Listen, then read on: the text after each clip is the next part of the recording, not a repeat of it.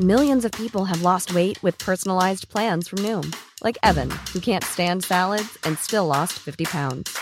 Salads, generally, for most people, are the easy button, right? For me, that wasn't an option. I never really was a salad guy. That's just not who I am. But Noom worked for me. Get your personalized plan today at Noom.com. Real Noom user compensated to provide their story. In four weeks, the typical Noom user can expect to lose one to two pounds per week. Individual results may vary. If you thought the only way to get a more defined jawline with natural looking results was through surgery, think again. Juvederm Volux XC is a non surgical injectable gel filler that improves moderate to severe loss of jawline definition and can help you achieve natural looking results with little downtime. Even better, this improved definition lasts up to one year with optimal treatment. No maintenance required. Improve jawline definition for a smooth, sculpted look with Juvederm Volux XC. For important safety information and to find a licensed specialist, visit juvederm.com. That's J U V E D E R M.com. Not for people with severe allergic reactions, allergies to lidocaine, or the proteins used in Juvederm. Common side effects include injection site redness, swelling, pain, tenderness, firmness, lumps, bumps, bruising, discoloration, or itching. There's a risk of unintentional injection into a blood vessel, which can cause vision abnormalities, blindness, stroke, temporary scabs, or scarring. Talk to a licensed specialist to find out if it's right for you.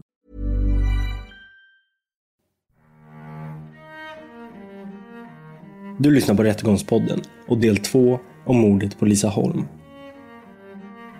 Den 12 juni 2015 hittas Lisa Holm avliden i en byggnad vid gården Martorp i Kinnekulle. Samma kväll griper polisen tre litauiska medborgare som gästarbetar hos en företagare i bygden.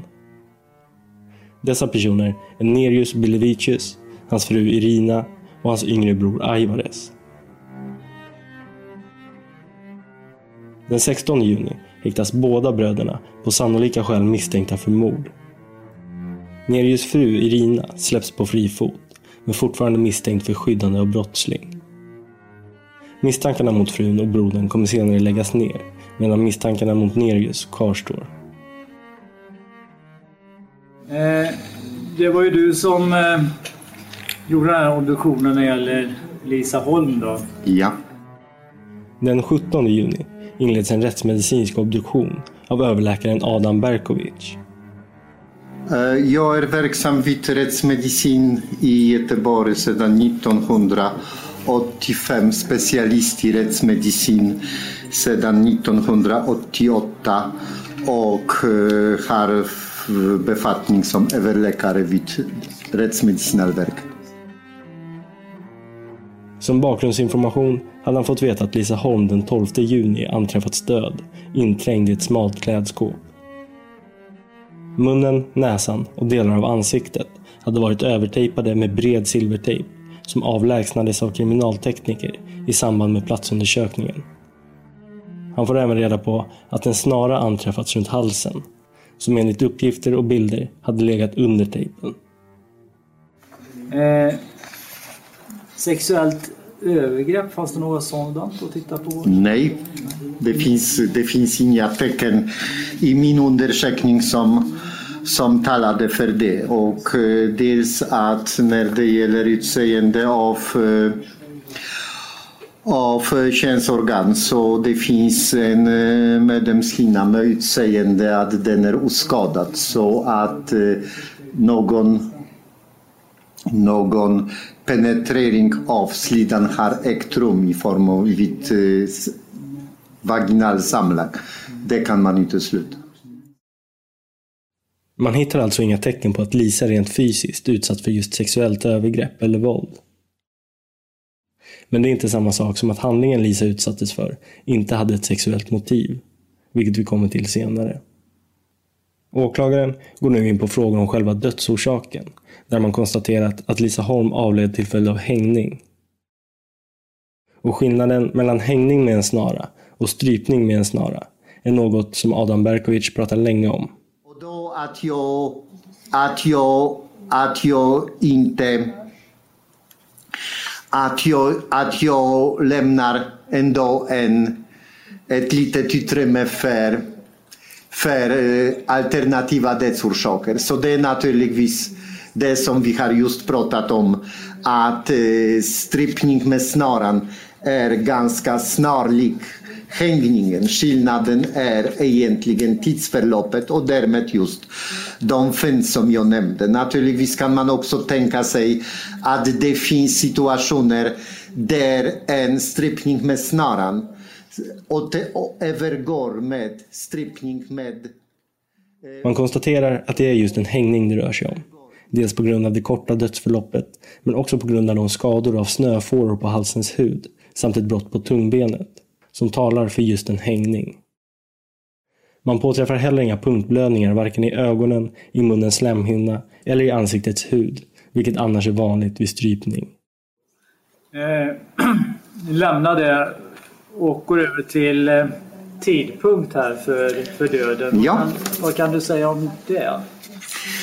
Eh,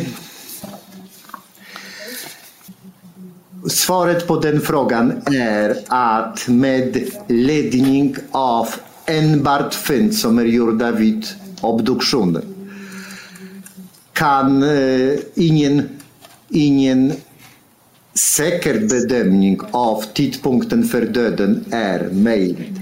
Vi har till förfogande att göra en bedömning utifrån den omfattningen av förruttnelse, fram hur omfattande och hur tydliga förruttnelseförändringar, gör att min bedömning är att eh, den rimliga tiden att dödsfallet har döden inträtt innan anträffandet är några dagar. Graden av förruttnelse är sådan att jag anser att dygnet den 12 dygnet den 11 är helt uteslutna. Adam kommer senare uttala sig om att han även anser onsdagen den 10 som i princip är utesluten som dödstid. Och i domen som senare kommer att utfärdas så står det att det finns medicinska möjligheter att Lisa Holm kan ha varit vid livet den 8 och 9. Men utifrån fyndplatsen och den massiva sökinsatsen i området är det osannolikt att så har varit fallet. Det är också osannolikt att kroppen placerats i klädskåpet efter att likstillheten varit utvecklad, då det inte finns några tecken på att man brutit likstillheten då man placerat kroppen i skåpet. Det finns heller inga tecken på att offret legat skadat, hållits fången i ett trångt utrymme eller legat avsvimmad. De uppgifter Adam fått om brottsplatsen, kroppens placering i klädskåpet samt medicinska fynd gör att han kan fastställa dödsdatum till den 7 juni. Jag är, jag är psykiater i botten, eh, i barn, eh, läkare i barn och ungdomspsykiatri och jag har jobbat i många år med frågor som rör forskning kring just allvarlig sexualvåldsbrottslighet. Jag är då som sagt professor i ämnet psykiatrisk epidemiologi, särskilt utvecklingspsykiatri och våld, bara för att trassla till det vid Karolinska institutet. Men det betyder i praktiken att jag jobbar med olika typer av studier där vi försöker ta reda på varför människor hamnar i allvarlig kriminalitet, och inklusive sexualbrottslighet, och vad man kan göra åt det. Och jag har då Åklagaren har tillkallat psykiatern Niklas Långström för att höra hans syn om vad Lisa utsatts för. Då man anser det ytterst ovanligt att Lisa inte utsatts för något fysiskt sexuellt övergrepp. Och man kontaktade Niklas tidigt under utredningens gång för att försöka förstå vad för slags gärningsman man hade att göra med. Vad, vad kan du se i detta, du som jobbar med de här sakerna? Ja, till att börja med så vill jag säga att det här är extremt ovanligt och det gör ju att det är svårt att vara superexpert på det här. Det här är sådana företeelser som man inte kan räkna med att få träffa på så många gånger under en yrkeskarriär. Så jag har förstås konsulterat den vetenskapliga forskningen som finns på området för att få en bild av hur man kan förstå det som ni beskrev för mig när vi sågs i september, sakomständigheterna som finns i utredningen. Eh, och några av de saker som, som jag tycker det kan vara viktigt att ta fasta på det är att det finns ingenting som tyder på att det här är omöjligt. Det här finns beskrivet i forskningslitteraturen Eh, där man har eh, identifierat sexuella motiv i dödligt våld men där det inte heller finns några tecken på faktiska samlag eller samlagsliknande handlingar.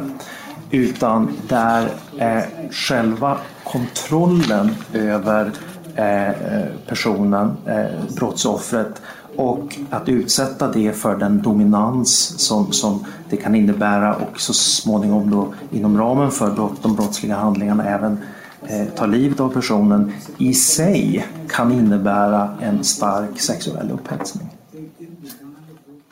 Lisas familjs målsägande beträde, Tore Brantler, ställer frågor till Niklas rörande BDSM och huruvida den här inom citationstecken akten var planerad och om det för gärningsmannen i sådana fall är tänkbart att det fanns någon annan utgång än att Lisa skulle behöva dö.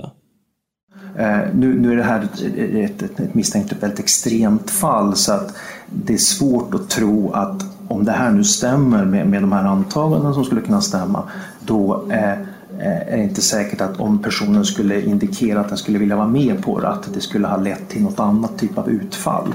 Det här är en sannolikt utifrån det som har beskrivits sakmässigt en, en, en, eh, en, en situation som är ganska starkt, liksom, starkt laddad med, med, med de här våldsfantasierna så, så, så kan Är själva händelsen i sig nog?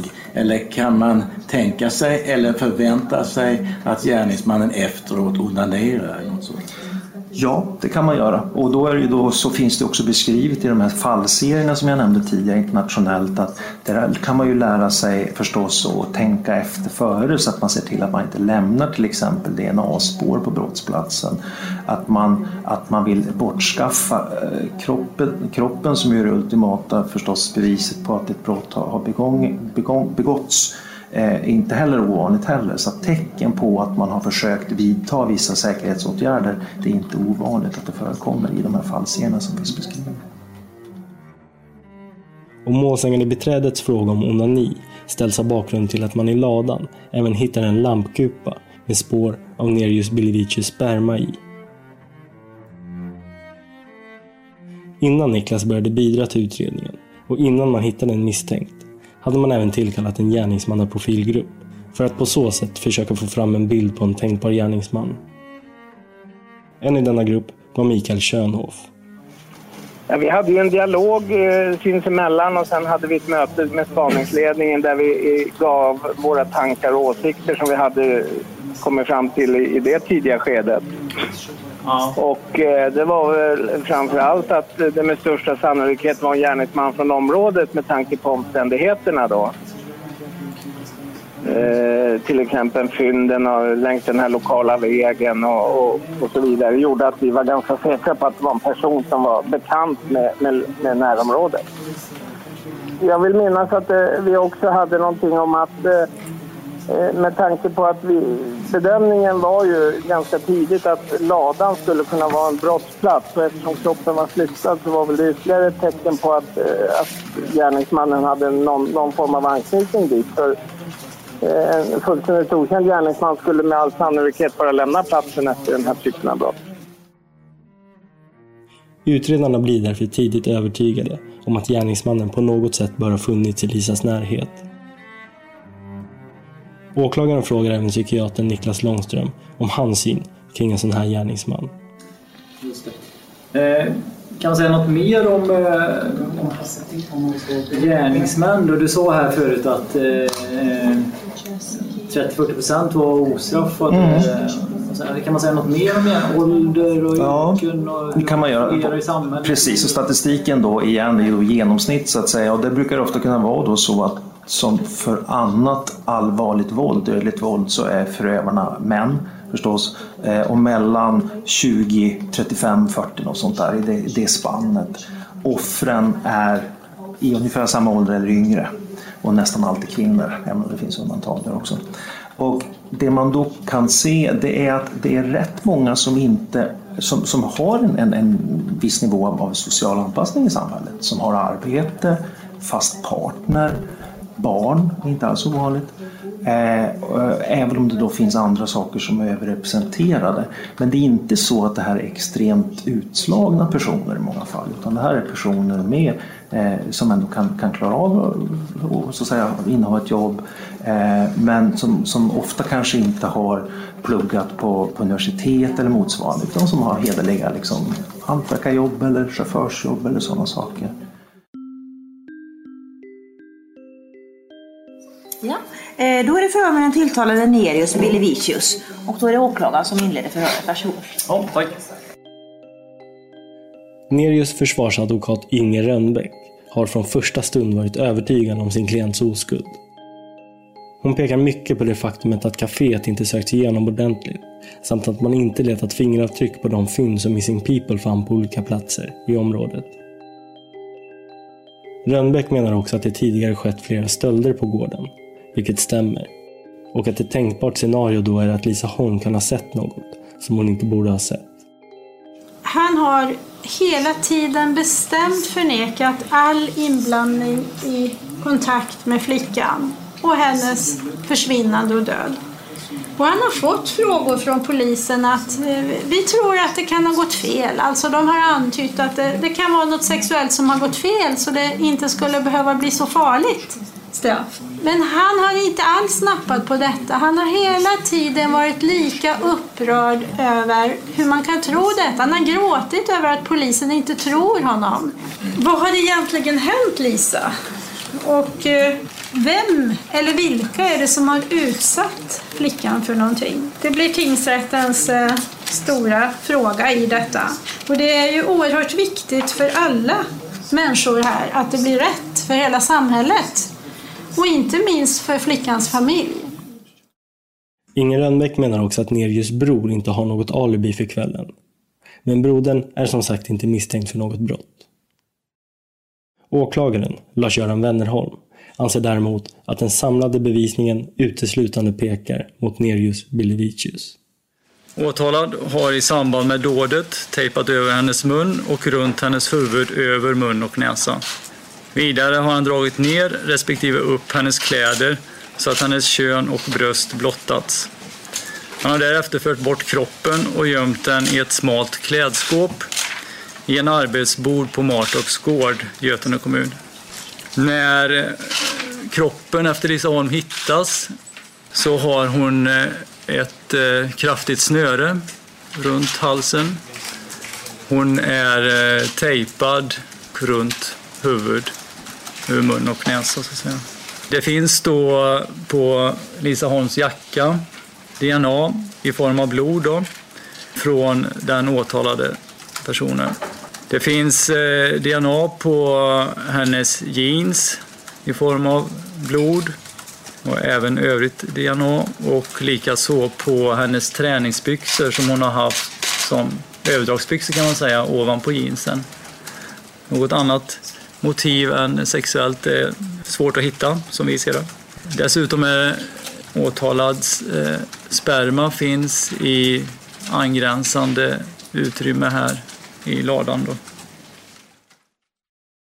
När rättegången drar igång i slutet av oktober 2015 har Nerjus tidigare förhörts 14 gånger av polis och konsekvent nekat till all slags samröre med Lisa Holm. Så här låter det i det allra sista polisförhöret med honom. Kartu su tavim.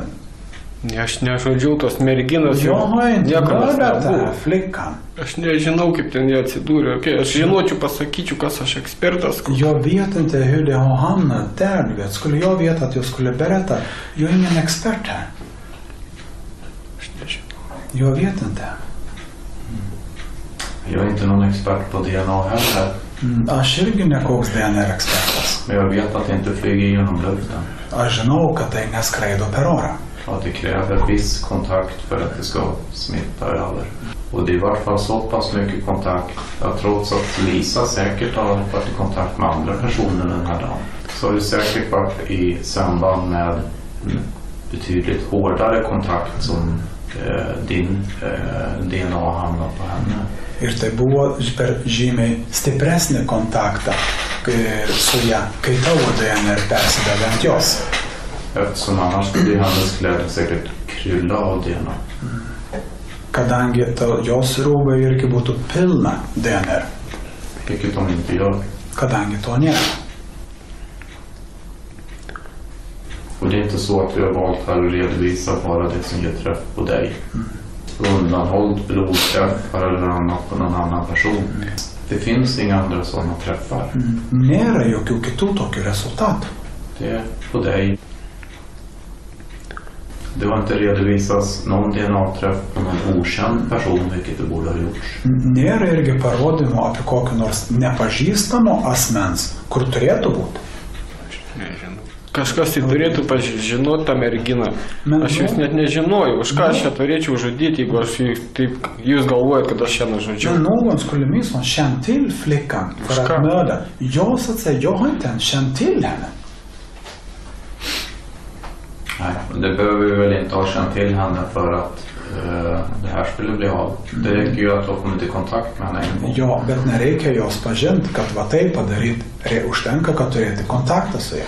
Aš net kontaktų ne, neturėjęs, kaip aš galiu turėti, aš Men jag har inte nematęs haft, jos. jag har inte haft någon kontakt. Jag har aldrig sett henne. I vanliga fall så kanske du har en eller två träffar i bästa fall på DNA. Här är det som att dra i någon form av jackpotmaskin och få full jackpot. O čia yra kaip žaisti loteriją ir laimėti pilną, piln, pilną, pilną laimėjimą. Ska man tolka det som att det är du då inte som har gjort detta? Neturiu aš jums ką be papasakoti. Jag har inget mer Ką aš jums ne, ką aš jums nesakau, vis tiek jūs manim nieko netikite. Oavsett vad jag säger, ni tror inte på mig. Kaip aš galiu papasakoti, jeigu aš nieko nežinau? Hur ska jag berätta om jag inte vet någonting? Det går ju inte. Men jag tror att du vet någonting, det är det jag menar. O tai neįmanoma, bet aš manau, kad tu žinai. Tikrai nežinau. Verkligen vet inte.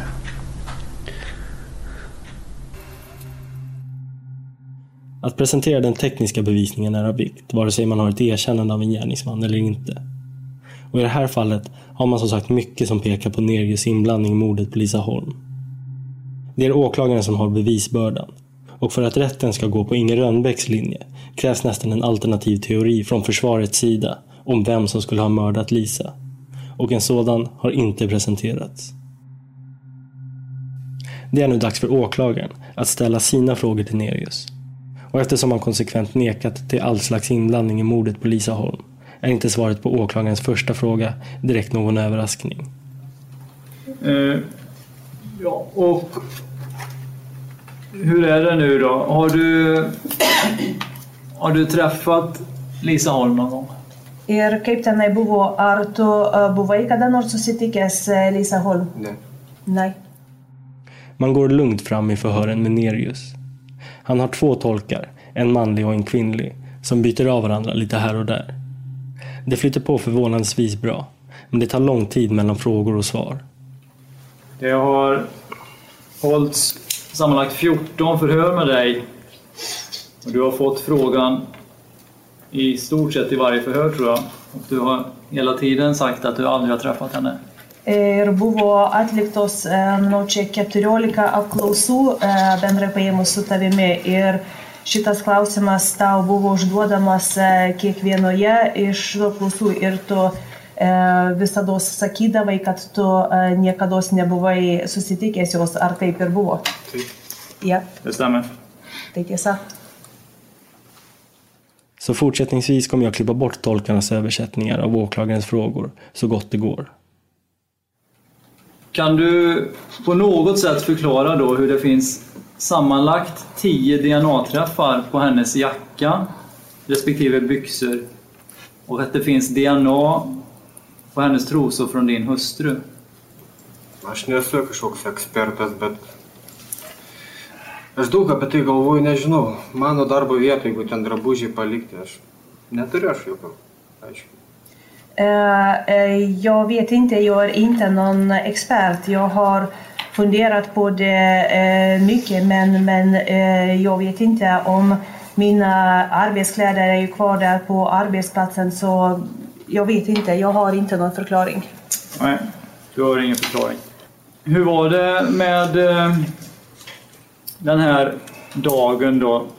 Söndagen den 7 juni. Vad gjorde du?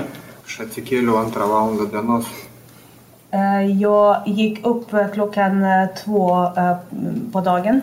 Todėl, kad šeštadienį labai jau iki trijų nakties praleidau prie kompiuterio. Därför att på lördag spenderade jag tid vid dator fram till tre på natten. Aš teisingiau nesikėliau, grįžo žmona ir mane pakėlė. Eller rätt sagt inte att jag uh, gick upp men min fru kom uh, hem och väckte mig. Det råder såklart vissa oklarheter kring exakt vad Nerius gjorde söndagen den 7 juni. Han själv hävdar att han har varit hemma under den tiden man misstänker att Lisa Holm mördades. Men hans yngre bror Aivares och Nerius fru Irina har under utredningens gång gett olika uppgifter. Nerius yngre bror vill inte ställa upp som vittne under rättegången. Och som anhörig till en åtalad har man enligt svensk lag heller ingen skyldighet att göra det. Nackdelen för åklagaren är att han då begränsas i refererande till uppgifter som brodern tidigare lämnat i polisförhör. Man vill gärna fråga brodern själv om uppgifter han tidigare lämnat. Men åklagaren ber i alla fall Nerius förklara vissa uttalanden som brodern har gjort.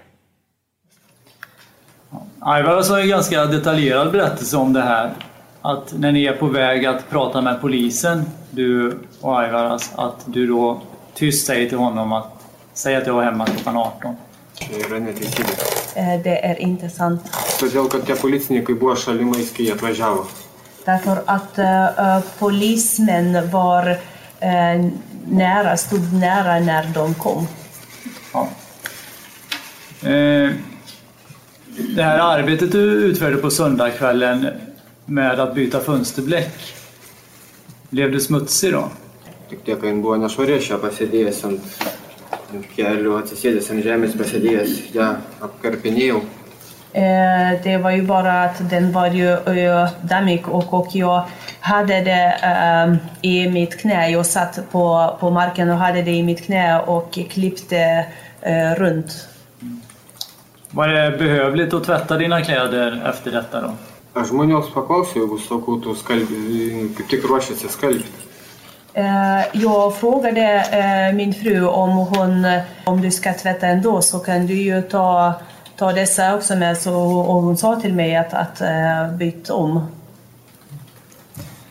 Din bror tycker att det är konstigt att, eh, att du vill att kläderna ska tvättas. Jis net nematęs tos palangės ir nebuvęs, ir kaip jis taip gali taip sakyti, aš neįsivaizduoju. Han har inte ens sett det här fönsterblecket. Han eh, har inte ens varit där så jag har ingen aning hur han kan säga så. Okej. Hur är och hur har förhållandet mellan dig och din bror varit? Paskutiniu laiku tai geri. På sistone var det bra. Det har varit bra. Ja. Det är du som ordnar så han får jobb på Blomberg? Taip. Ja. Skulle han ha någon anledning att säga så här? Eh, Jag kan inte veta. Man måste fråga hos honom. Keista. Ja. Det, Ja, vi har ju frågat honom. Det är väldigt konstigt för mig själv också. Men jag ser på Klausen.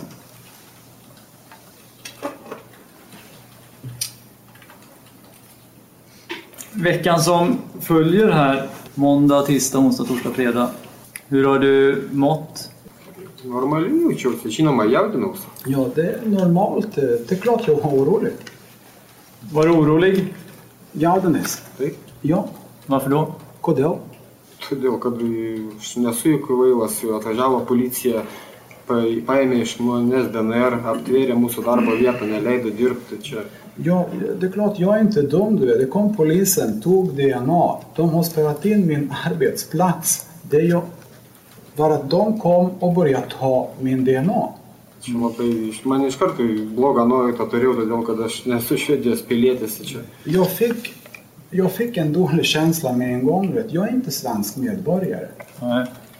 Trodde du att du skulle bli misstänkt för, för det här med Lisa Holm direkt alltså? Nu, aš taip negalvojau, kad būsiu ten, kaip dabar esu tokiai situacijai. Man minčių tokių neturėjau. Det trodde inte jag då så att säga att jag kommer att hamna i sån situation som jag är nu. Jag hade inga sådana tankar. Nej. Men du var ändå orolig? Žinoma, visi jaudinasi. Självklart, alla var oroliga. Tiek pat brolis ir žmona. Min bror och hustru också. Och så kommer man till den här uppgiften från Missing Peoples Björn Sahl som uppgett att en av de litauiska bröderna, högst troligen Nerius, sagt till honom att Missing People och militärer redan varit vid Martorps gård och sökt. Björn ansåg det nästan vara en uppmaning från Nerius sida att de skulle sluta leta där och istället gå vidare. Ieškoję. Ja, det sa det, att det var officerarna och, och, och, och sökte. För jag menar, bara för att det står två jeepar så behöver inte det betyda att det är någon som är ute och letar efter Lisa Holm. Aš asmeniškai nemačiau, kad ieškojo. Aš tam tik mačiau tik mašinas. Jag personligen såg inte att någon letade, jag såg bara bilarna. Och du säger alltså att det är Claes som säger till dig att det har varit sökt eller att de söker där? Och Nerius anser sig ha en förklaring till detta. Nämligen att det var hans arbetsgivare Claes som kom till Nerius med de uppgifterna. Och att Nerius bara förde vidare det han hört till Björn Sahl. Ja, det måste det ha varit. Om jag, jag vet inte exakt, alltså, men jag vet, jag, jag har pratat med dem. Åklagaren tillkallar arbetsgivaren Claes som vittne för att höra hans version.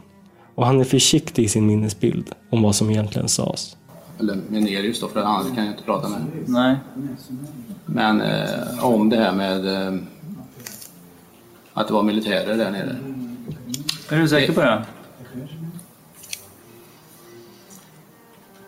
Ja, ja, ja. det eh, kan vara så. Kan ja, vara ja, ja, ja. Jag kan inte säga att, eh, att det är 100 procent. Nej, du har ju hört av polisen om det här. Det minns du eller? Jag har hört av polisen, ja. Dels den 13 juni, det var ett eh, kort förhör så om dina uppgifter och så lite grann. Bilar. Men sen eh, 14 juni så har jag fått frågan Har du pratat med litauerna om utifall man skulle sökt av området inne på Martorp? Då svarar du Jag har inte pratat med dem om utifall Martorp sökts igenom eller inte. Jag har, jag har överhuvudtaget inte pratat med dem om var i områdena man sökt. Så svarar du då. Nej, precis. Det var, det, var den att fjor, det var- det var den 14 juni då. Precis. Ja, jag eh, jag har möjligen nämnt att militären har varit nere. Bara. Jag har inte vad de har sökt, för det har jag ingen aning om. Jag har inte sett det själv. Nej. Så det kan jag inte säga. Nej. Däremot, eh, det, jag kan säga då att eh, det förhöret där, man refererar till det, så det är inte genomläst och inte... Vad sa du nu? Att... Inget är genomläst eller till mig efteråt. Ja, det var ju telefonförhör men det avslutas med att det står genomläst från anteckningar och godkänt. Ja, men det stämmer inte. Men eh, vad, vad är din slutliga uppfattning här nu idag då? Har du pratat eller har du inte pratat om eh, militärer och sök på Martorp med Nerius? Jag kan prata om mil- att militärerna var på Martorp, men sök har jag inte pratat om. Nej, okej. Tack. Det satt någon folk där, jag såg bara militära bilarna där. Men de här uppgifterna räcker för dig att du ska gå fram till representant för Missing People och säga att det redan har sökts här.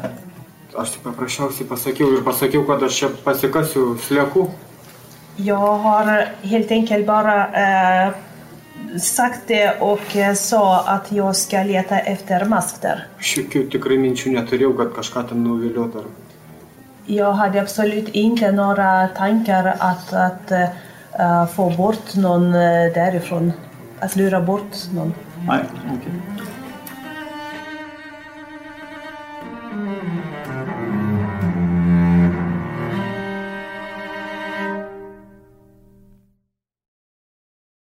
Eh, och skulle fråga dig också om dagen innan den 7 juni, den 6 juni. Man går även in på vad Nerius gjorde dagen innan Lisa försvann. Lördagen den 6 juni. Då joggaren Adriana blir stannad av en person. Och man frågar Nerius hur det kommer sig att hon pekar ut honom som just den personen. Ja, jo men det är han. Som stoppade dig? Jag trodde faktiskt inte att jag skulle eh, känna igen honom. Eh, för det var svårt på bilderna. Men, men eh, det är han. Det är han. Att stoppa en förbipasserande joggare är dock inget brottsligt. Men för åklagaren blir det en liten del av det större bygget. Vittnen svär ned innan de uttalar sig och Adriana tycks säker på sina uppgifter. Om Nerius då inte har en bra förklaring kan det uppfattas som att han ljuger. Och kan han ljuga om detta så kan han ljuga om andra saker. På vägen hem här sen, stannar du till vid den här kopplingsstationen då? Tikrai ne. Absolut inte. och stoppar en joggande kvinna och försöker få in henne i bilen. Jag har inte eh, stoppat någon. Jag eh, kom direkt hem från affären. Så det är, det är en slump då så att säga att hon i vart fall tycker att det är en person som är väldigt lik dig då. Aš nežinau, ką jin Jag vet inte vad hon Aš- tycker. Aš ją pačią tik tai vieną kartą esu matęs tą šeštadienį, kai mane supažindino Arne Jansenas ir viskas. Eh, Jag hade sett henne bara en gång den lördagen när Arne Jönsson eh, introducerade mig. Ja, alltså vet du vem den här kvinnan är då menar du? Eller? Taip, Arne mane supažindino. Ja, Arne introducerade eh, mig till- med henne. Ja, Bet men du aš har, jos, tai kaip sakant, dabar man pasakytumėt, parodyti, aš jos tikrai net prisiminčiau. Men om eh, ni hade bett mig att peka eller visa henne så, så hade jag inte kunnat känna igen henne. nej, men jag fattar inte riktigt. För du, du säger du har ju aldrig träffat, du har aldrig stoppat någon kvinna här. Absolut inte. Jag har Nej. inte stoppat eh, någon gång. Nej. Men hur kan du då veta att du har träffat henne på lördagen innan här? Ne, tai tą patį šeštadienį, kaip jūs ir sakot, kaip aš galiu nežinoti, jeigu atvažiavo mano darbdavys ir supažindino. Ja, det, är ju den, eh, det är ju den samma lördag som eh, du pratar om och hur kan jag inte veta det när min arbetsgivaren kom och introducerade henne till mig. Ja, det var, det var ju på lördag på dagen här. Då, då träffade du en kvinna där. Men sen så träffade du inte henne någon mer gång? Nej. Nej. Nej. Och hur vet du då att det är hon som som du ska ha stoppat så att säga? Pirmiausia, sužinojau, kad jie buvo sustabdę iš žmonos sekmadienį. Eh, Först fick jag veta att hon stoppades eh, av min fru på söndag. Din fru har pratat om det här på söndag? Taip, grįžus iš Janseno. Eh, Pasakė. Eh, Ja, när hon kom eh, tillbaka från eh, eh, Jansson så sa hon det. Sustabdęs. Att någon man hade stoppat henne. Okej. Man lämnar det hela så. Från försvarets sida har man påtalat ett missnöje kring hur utredarna hanterat analyserandet av den tekniska bevisningen. Jag eh, jobbar som forensisk journalist då på biologisektionen på NFC. Så åklagaren tillkallar Helena Eriksson som sakkunnigt vittne. Hon var den som hade hand om den tekniska undersökningen. Försvarsadvokaten Inger Rönnbäck menar att man i ett för tidigt skede smalade av utredningen och började intressera sig för just Nerius. Det har diskuterats här inne om, eh, om vi har sökt vitt och brett och öppet så att säga, eller om vi har begränsat den här sökningen till några få personer. Vad har du för uppfattning om har ni sökt på mycket saker eller lite saker eller vad ska man säga? Det här är ju ett, ett, ett, av fåtal ärenden per år som, som blir så här stort. Vi har ju fått in cirka 200 material varav vi har undersökt avseende DNA är 133 stycken. Eh, Så vi har ju undersökt väldigt mycket material. Eh, Absolut. Eh, Och det har ju ändå varit en diskussion och så och, under tiden men, men vi har gjort väldigt mycket. Vi har gjort mycket undersökningar i det här ärendet. Den tekniska bevisningen är omfattande och pekar som sagt mot Nerius som gärningsman till stora delar. Ett av de mest beklämmande bevisen för Nerius del är det DNA-spår från honom på ett av rören i taket i ladan där man konstaterat att Lisa blivit hängd. Du, Det här röret då, där vi kan konstatera att Lisa Holm är hängd eftersom hennes hårstrå finns ju här och finns ju avdrag av ett rep eller snöre. Så finns ju ditt blod på det här. Ditt blod finns ju på det här röret också. Det yra ant to vamzdžio. Ką tu pasakysi apie tai? Aš nežinau, ten to kraujo gali daug kur būt mano. Ten aš kaip dirbau, ten nuiminėjau visus tos vamzdžius. Jag vet inte. Blodet det kan finnas överallt där borta. Jag har ju plockat ner alla rör där. Mm. När var det du gjorde det då? Plocka ner rör? Kada tu tai darei? Nuėmė visus vamzdžius. Pavasarį. Po våren. Pavasarį ir praeitų metų gruodį. Eh, På våren och förra, i december förra året. December och januari? Tai reiškia gruodį, sausį. Taip, gruodžio ir sausio pabaigoje. December och i slutet på januari. Slutet på januari 2015? Taip, dirbau taip pat ten tam kambarį. Jag, jobbade i det här rummet. Mm. Det här blodet, det är väldigt smutsigt det här röret, men det här blodet det sitter ju ovanpå smutsen så att säga. Så det är ganska nyss det har kommit dit enligt teknikerna. Tas vamzdis labai bjaurus ir tas kraujas yra ten atsidūręs gan nesenai pagal technikus. Aš nežinau. Jag vet inte. Nej. Millions of people have lost weight with personalized plans from Noom, like Evan, who can't stand salads and still lost 50 pounds. Salads, generally, for most people, are the easy button, right? For me, that wasn't an option. I never really was a salad guy. That's just not who I am. But Noom worked for me. Get your personalized plan today at Noom.com. Real Noom user compensated to provide their story. In four weeks, the typical Noom user can expect to lose one to two pounds per week. Individual results may vary.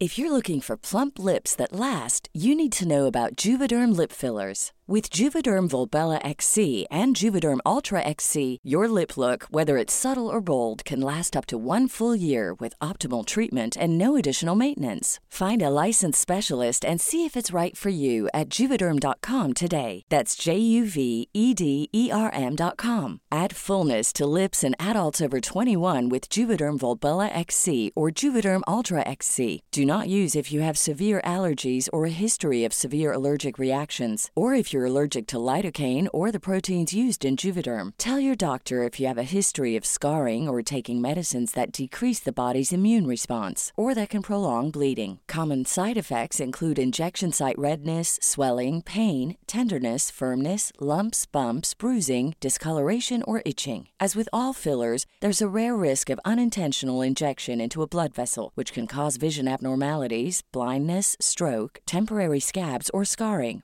For full important safety information, visit juvederm.com. Eh, det ligger två repbitar nedanför det här röret. På de här så finns det ju då DNA från dig och från Lisa Holm och det är en plus trea från dig så att säga. Det är inte det starkaste men det är relativt starkt. Och det här repet är ju likadant då som det som Lisa Holm har runt halsen när hon hittas. Vad säger du om det? Tokios virvėse aplink labai daug mėtosi. Sådan, sådan rep, det finns överallt runt omkring där. Mėtėsi teisingiau. Eh, Jag helt enkelt vill säga slängdes överallt. Ir aš ją buvau naudojęs asmeniškai, ten visur ir pastolius prisirišinėdavau prie sienos. Eh, Jag personligen använde det också till allt möjligt. Till exempel byggställningarna jag knytte fast. Ten šlangą suriždavau, ten visur jos pilna mėtydavos. Knöt ihop slangarna. Den låg överallt. Och det är en slump då att det ligger precis nedanför här där hon är hängd. då. Aš nežinau. Jag vet inte. Och likadant det här som finns inne i slaktutrymmet i, i diskhon där. Där finns ju hår från Lisa Holm i det här repet och ditt och hennes DNA. Aš nežinau, ten, ten tos virvės paimkite iš tos dažnės, ten visur galite atrasti mano DNR. Eh, Jag vet inte. Ta vilket rep som helst från den här ladan. Ni kan hitta min DNA på, på, på dem också. Todėl, kad aš viską naudojau, ten dirbau, pusę metų dirbau. För att jag använde allting. Jag jobbade där. Jag jobbade där ett halvår. Okej. Gerai. Du, Lisa Holms jacka, högerärmen, det, ditt DNA avsatt i blod, en plus fyra, alltså den starkaste. Säger de det?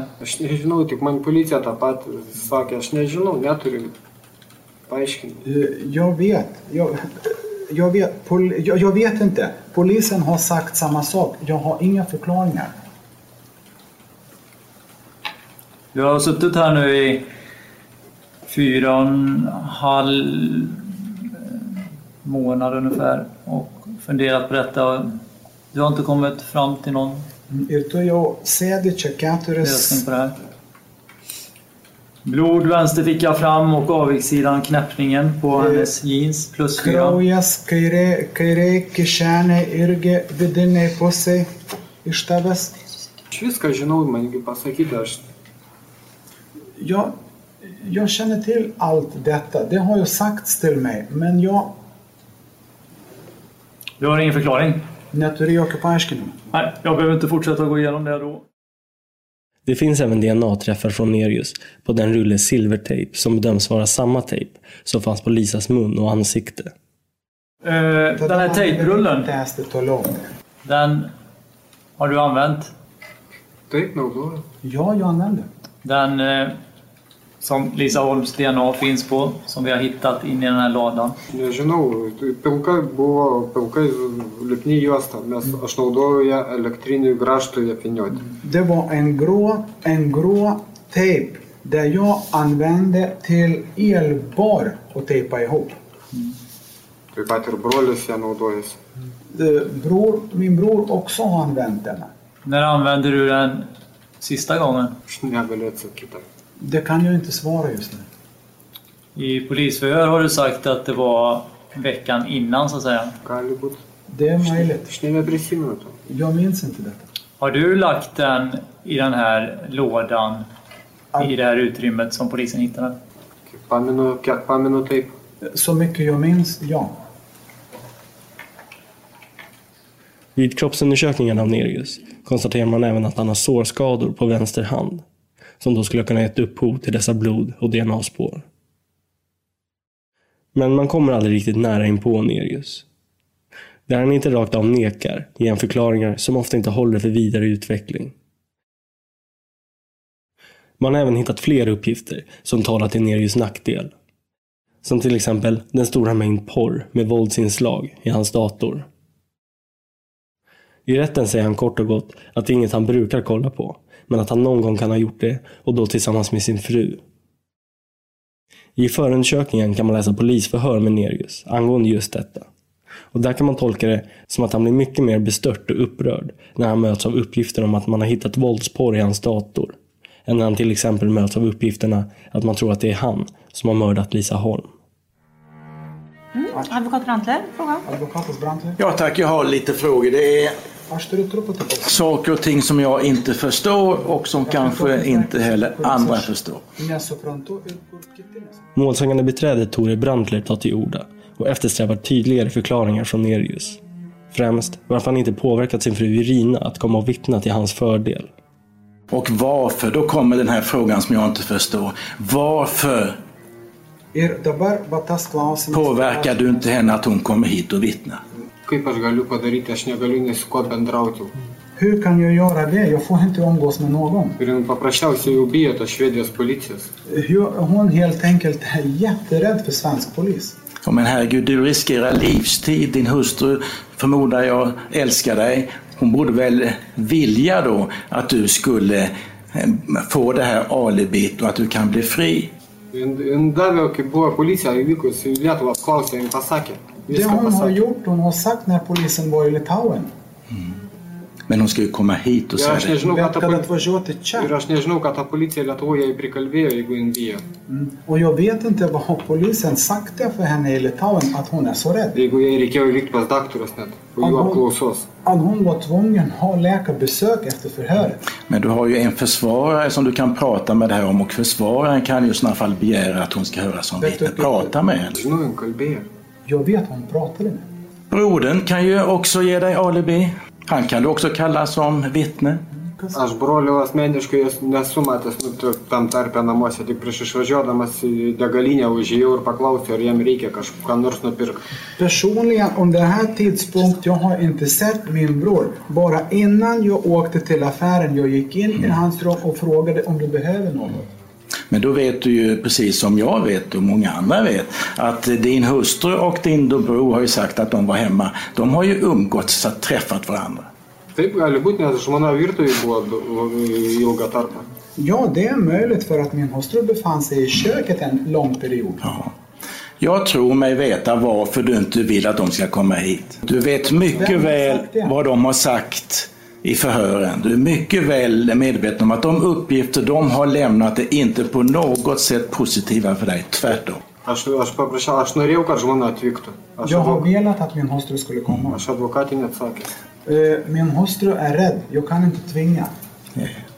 Är det inte så att du, är, att du har fått vetskap om att för det fall att de kommer hit och vittnar då kan åklagaren och även jag läsa upp det du har sagt, i, vad de har sagt i förhör? Ja. Ja. Nerius fru Irina vill först inte ställa upp som vittne. Men inför den sista förhandlingsdagen ringer Irina upp försvarsadvokaten Inger Rönnbäck och säger att hon nu ändrat sig och är villig att ställa upp som vittne över telefon.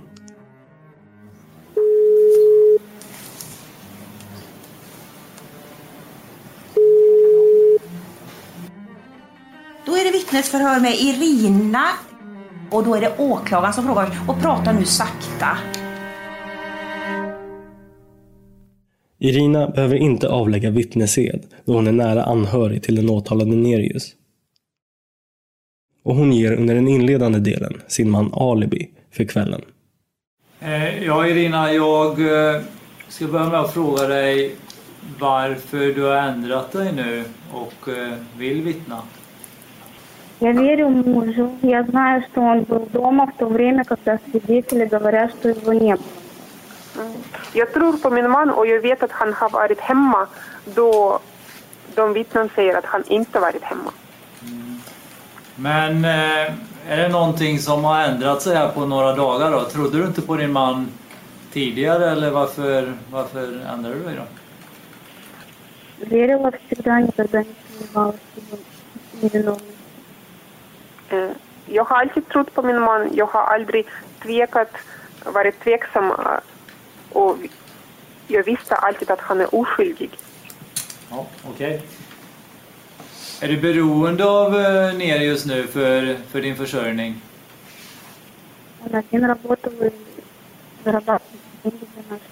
Ja, jag jobbar inte. Det är bara han som jobbar och tjänar ihop pengar för vår familj.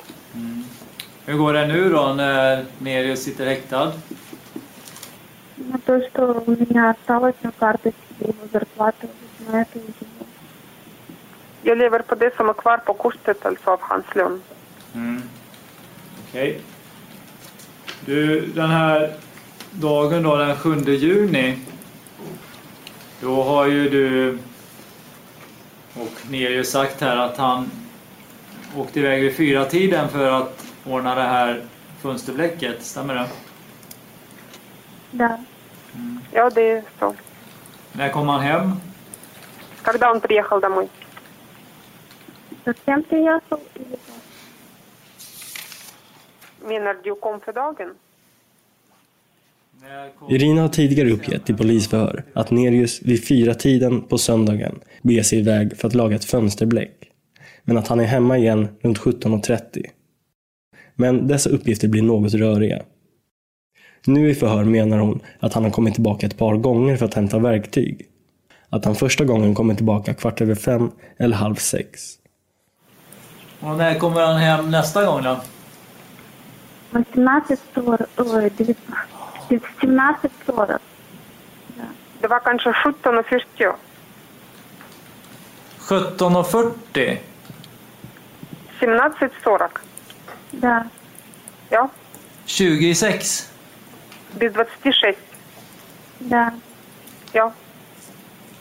Ja, jag tyckte du pratade om kvart i sju förut. Men 26 var ju en helt ny uppgift. Men du menar att han kom hem 26?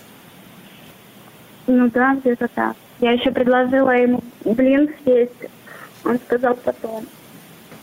ja, det var ungefär så. Jag har erbjudit honom att äta en pannkaka, men han sa senare. Om Nerius skulle ha kommit hem vid 17.40 för den andra gången efter han har varit ute och fixat fönsterblecket skulle det innebära att han var hemma vid tiden för Lisa Holms försvinnande. Men uppgifterna om tidpunkter har nu skiftat så mycket att de som sagt är svåra att få grepp om. Och man får inte glömma att Nerius bror i ett av hans förhör med polisen uppger att Nerius uppmanat honom att säga till polisen att Nerius var hemma under kvällen. Men brodern vill som sagt inte ställa upp som vittne i rättssalen. Så åklagaren försöker få mer klarhet i uppgifterna som Irina lämnar. Var han hemma sen hela tiden?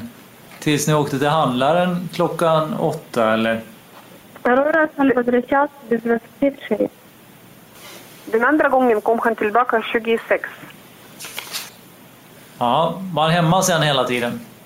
С шести до полседьмого я возилась на кухне.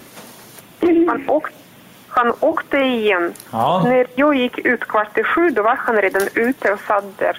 Okej. Så mellan sex och halv sju var jag och gjorde saker i köket. Kom han hem kvart i sju sen då, säger du? Ja.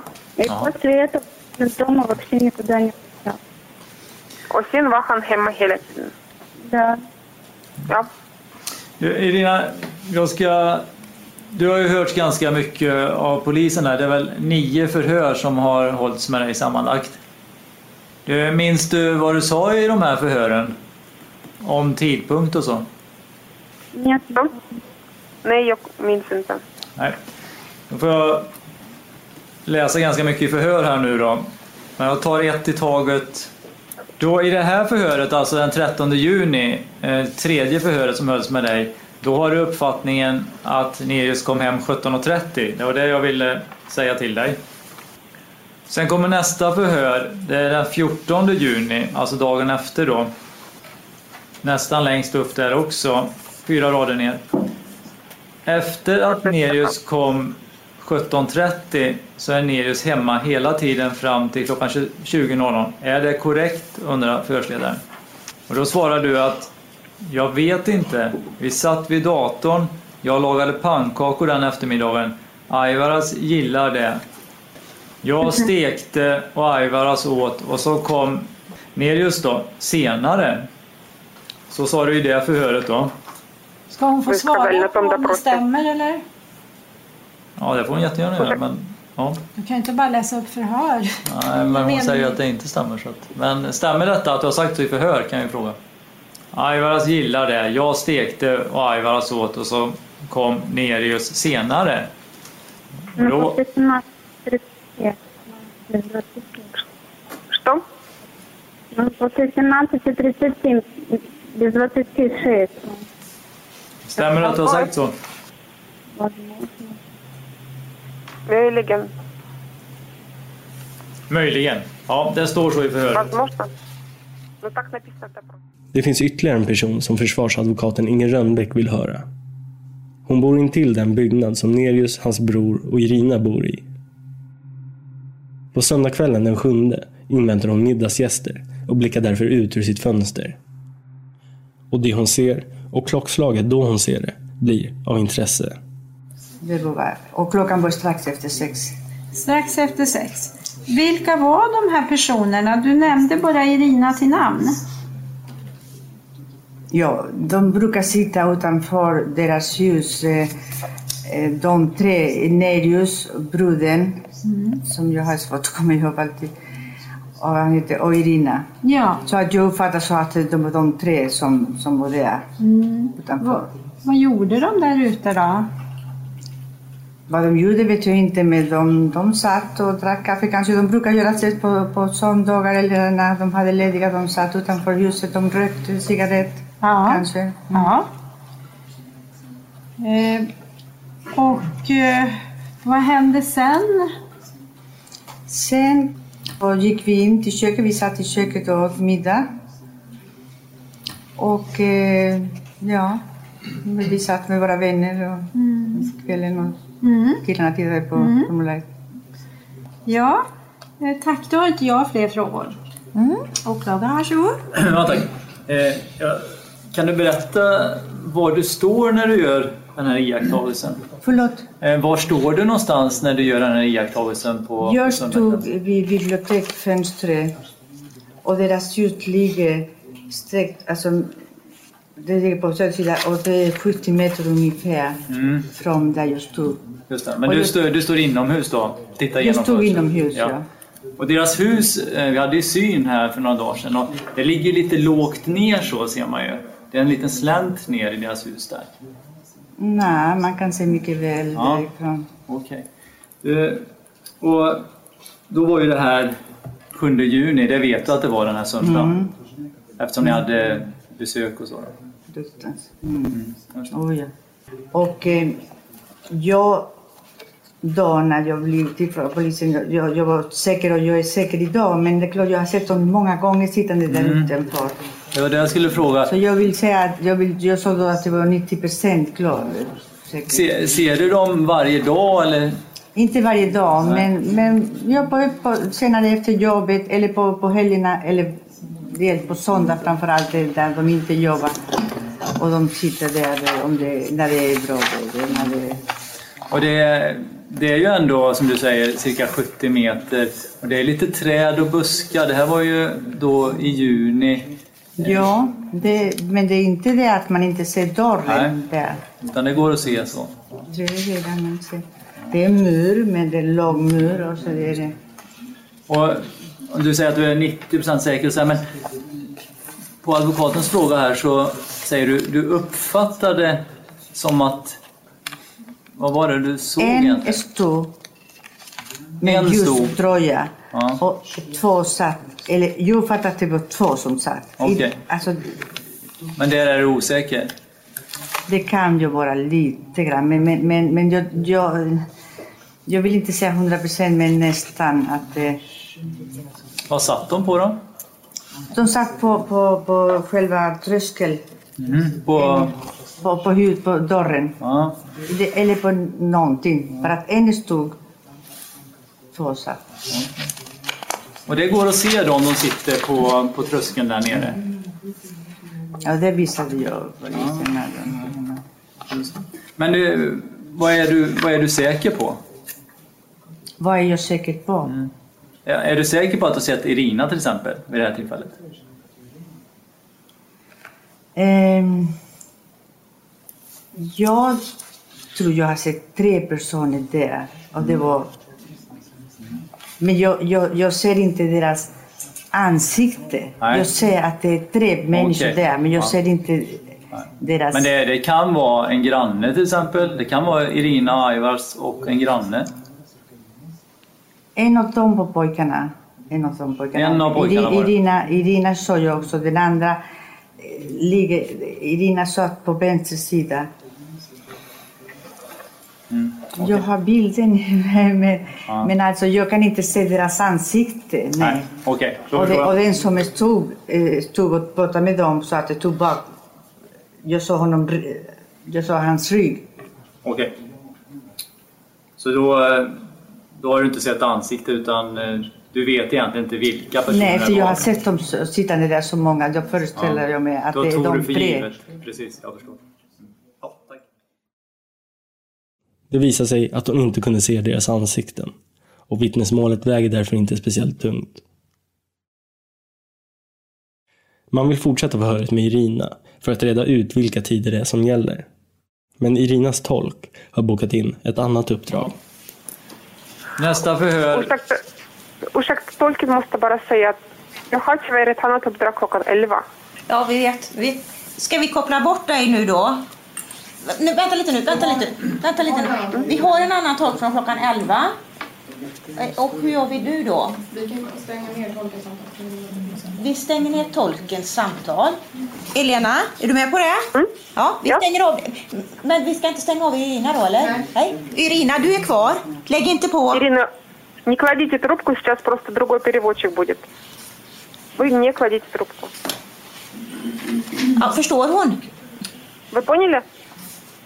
Ja. ja. Mm, men då, då, då kopplar vi bort Elena. Och då ska vi ringa Marina.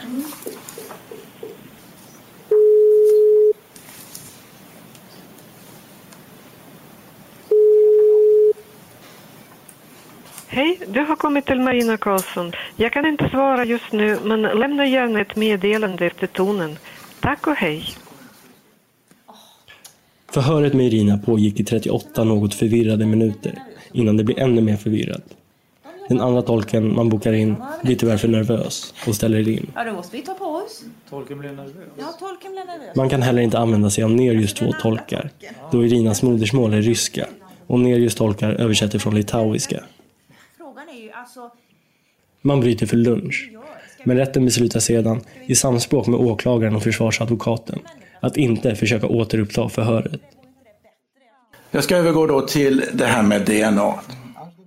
Från att ha pratat om tidpunkter går nu Lisas familjs målsägande beträde Tore Brantler över till DNA-bevisningen.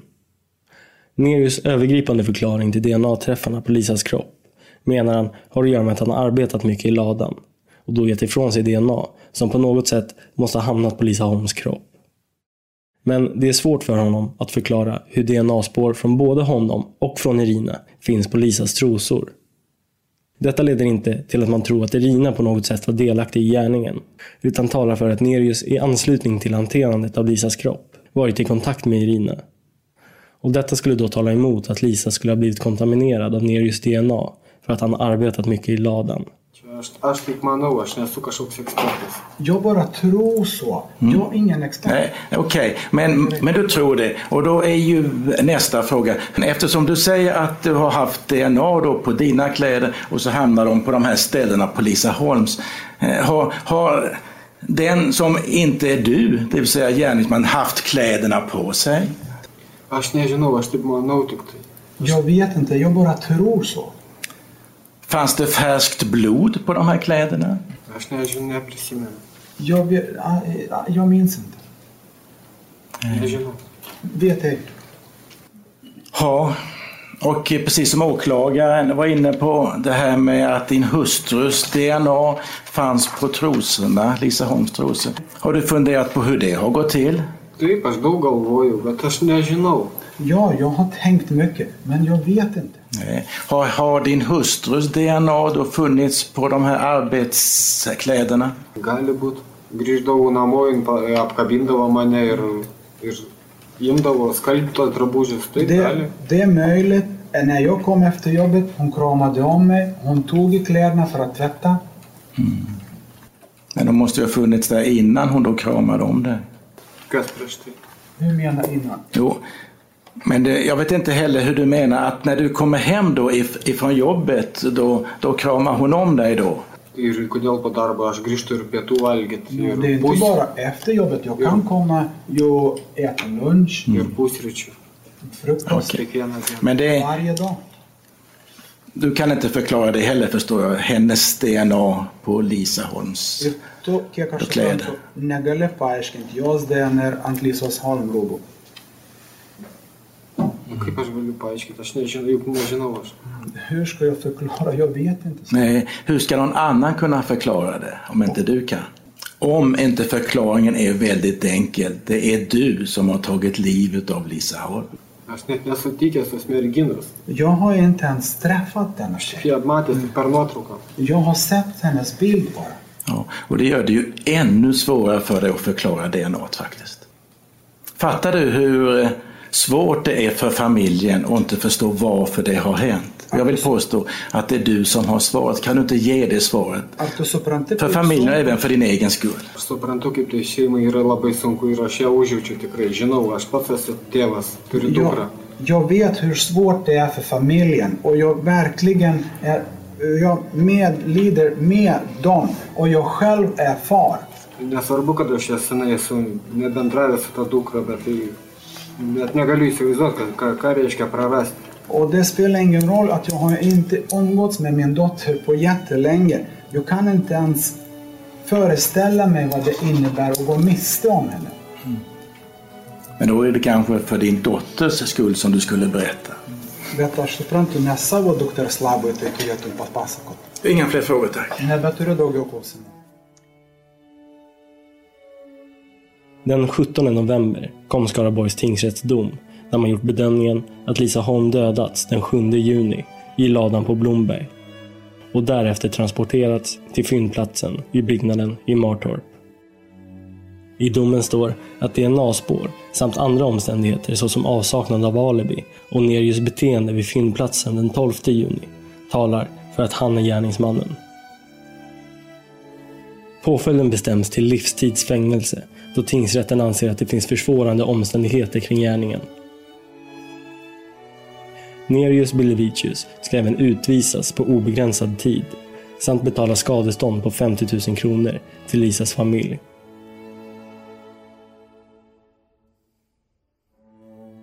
Men ett livstidsstraff i Sverige innebär inte att den dömde förblir i fängelset livet ut.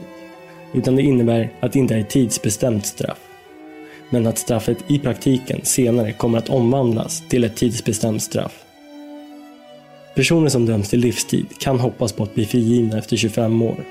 Och att det i framtiden kommer en frigivning är förklaringen till att domen mot Nerius även har ett beslut om att han ska utvisas efter avtjänat straff.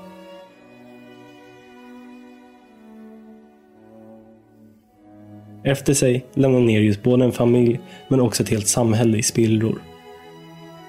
Det annars idylliska Kinnekulle blir aldrig mer sig likt och sorgen efter Lisa gör sig ständigt påmind.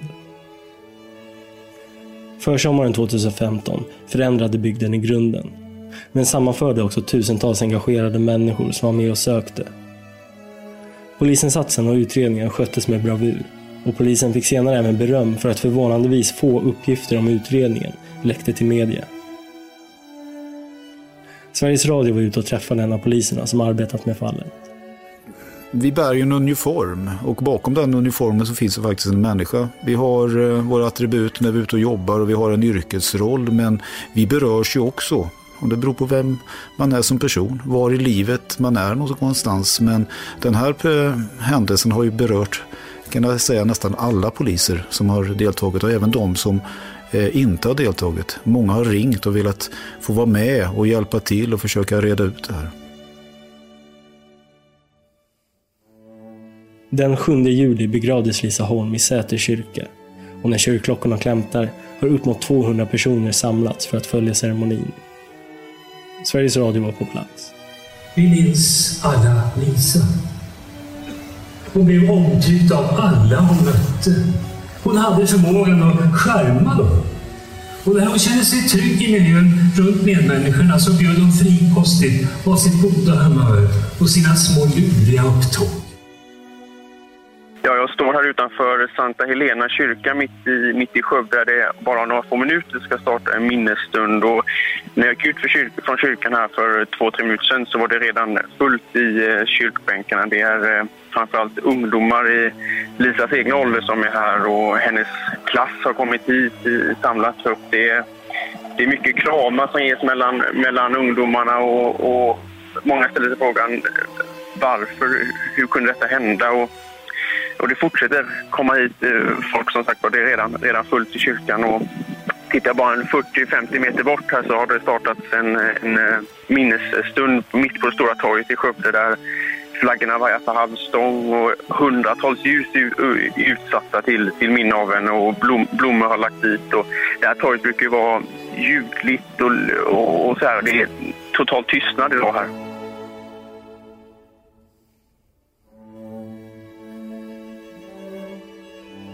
Och familjens målsägande beträde Tore Brantler ger senare sin kommentar rörande händelserna.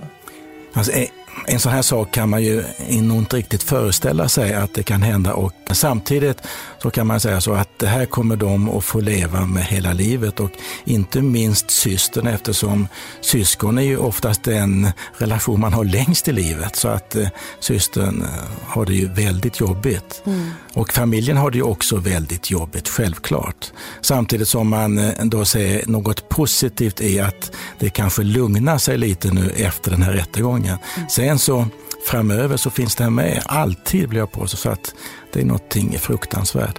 Man ska också veta det att det här är en familj som verkligen har en eh, så att säga, gemensam vilja att allting ska vara bra. Familjen har i alla sammanhang hämtat flickorna, kört flickorna, ställt upp på alltihopa. Och första gången hon ska stå på egna ben och köra moped hem, då händer detta.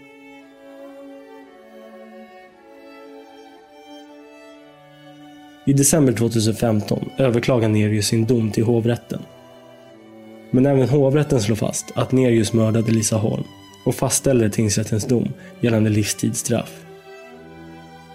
I ett pressmeddelande skriver hovrätten att den tekniska bevisningen var central för bedömningen och att Nerius saknar tillförlitligt alibi för den tiden då Lisa Holm måste ha överfallits och dödats. Mordet hade enligt domen ett sexuellt motiv och hovrätten lägger större vikt vid ett vittnesmål som de menar att tingsrätten inte gjorde någon stor sak av. Det handlar om kvinnan Adriana som joggade i området dagen innan Lisa försvann och som de mötte en man som försökte locka med sig henne till sin bil. Hovrätten anser att mycket talar för att den mannen var Nerius och att detta då stärker teorin om att brottet präglades av ett mer planlagt sexuellt motiv. I februari 2016 fastställdes hovrättens dom. Men därefter byter Nerius försvarare från Inger Rönnbäck till stjärnadvokaten Björn Hurtig som försöker få fallet prövat i Högsta domstolen. Men i maj meddelar Högsta domstolen att det inte blir något prövningstillstånd och därmed vinner hovrättsdomen laga kraft. Nerius började sitta av sitt straff på Norrtäljeanstalten men skickade sommaren 2016 in en ansökan om att få flyttas från Sverige till Litauen. Kriminalvården godkände flytten och nu i juni 2017 beslutade plötsligt en distriktdomstol i Litauen att sänka Nerius livstidsstraff till 15 års fängelse, vilket är maxstraffet för mord i Litauen. Men en litauisk distriktåklagare valde att överklaga beslutet om sänkt straff för Nerius. Och den 4 juli 2017 skärptes återigen Nerius straff och förblir nu på livstid, även i Litauen.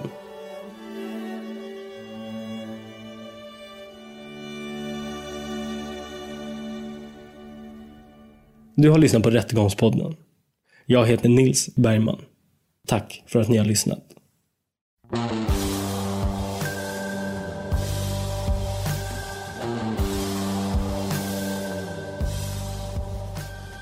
Hej Nils. Eh, jag vill bara säga att jag älskar din podd. Min eh, lilla syster älskar din podd och vi rekommenderar den till alla som har någon form av intresse i eh, rättsfall. Jag tycker också att det är jättebra att du samarbetar med Lexbase. Ehm, Lexbase är superbra, tycker jag. Jag tyckte om, jag uppskattade att lyssna på eh, styckmordet i Askersund och eh, styckmordet i Boden. Det är två favoriter. Det är också två rättsfall som jag följde väldigt eh, intensivt. Eh, jag har läst förundersökningarna. Det har jag i och för sig gjort på, på alla, alla brott som du har tagit upp i podden. Men, Eh, eller all, alla rättsfall som du har tagit upp i podden. Men, eh, eh, men de följde jag ganska intensivt och jag blev väldigt eh, känslomässigt berörd när eh, Vatchareeyas mamma eh, fick eh, grät och sådär i förhören. Eh, jag satt i första centrumet av Stockholm då och lyssnade på det och jag började själv gråta liksom. Eh, det måste ha varit en otroligt, otroligt hemskt för henne att förlora sin dotter på det sättet. Eh, så himla ung. Eh, det var två helt lysande avsnitt eh, var det. Men eh, tack så jättemycket för nu och ha det bra.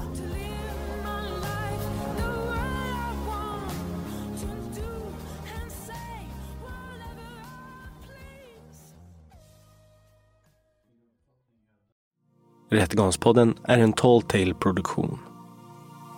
Ansvarig utgivare är Jonas Häger. Och Rättegångspodden görs i samarbete med Lexbase. Ange rabattkoden Rättegångspodden när du blir ny betalande medlem på lexbase.se och få tre kostnadsfria domar.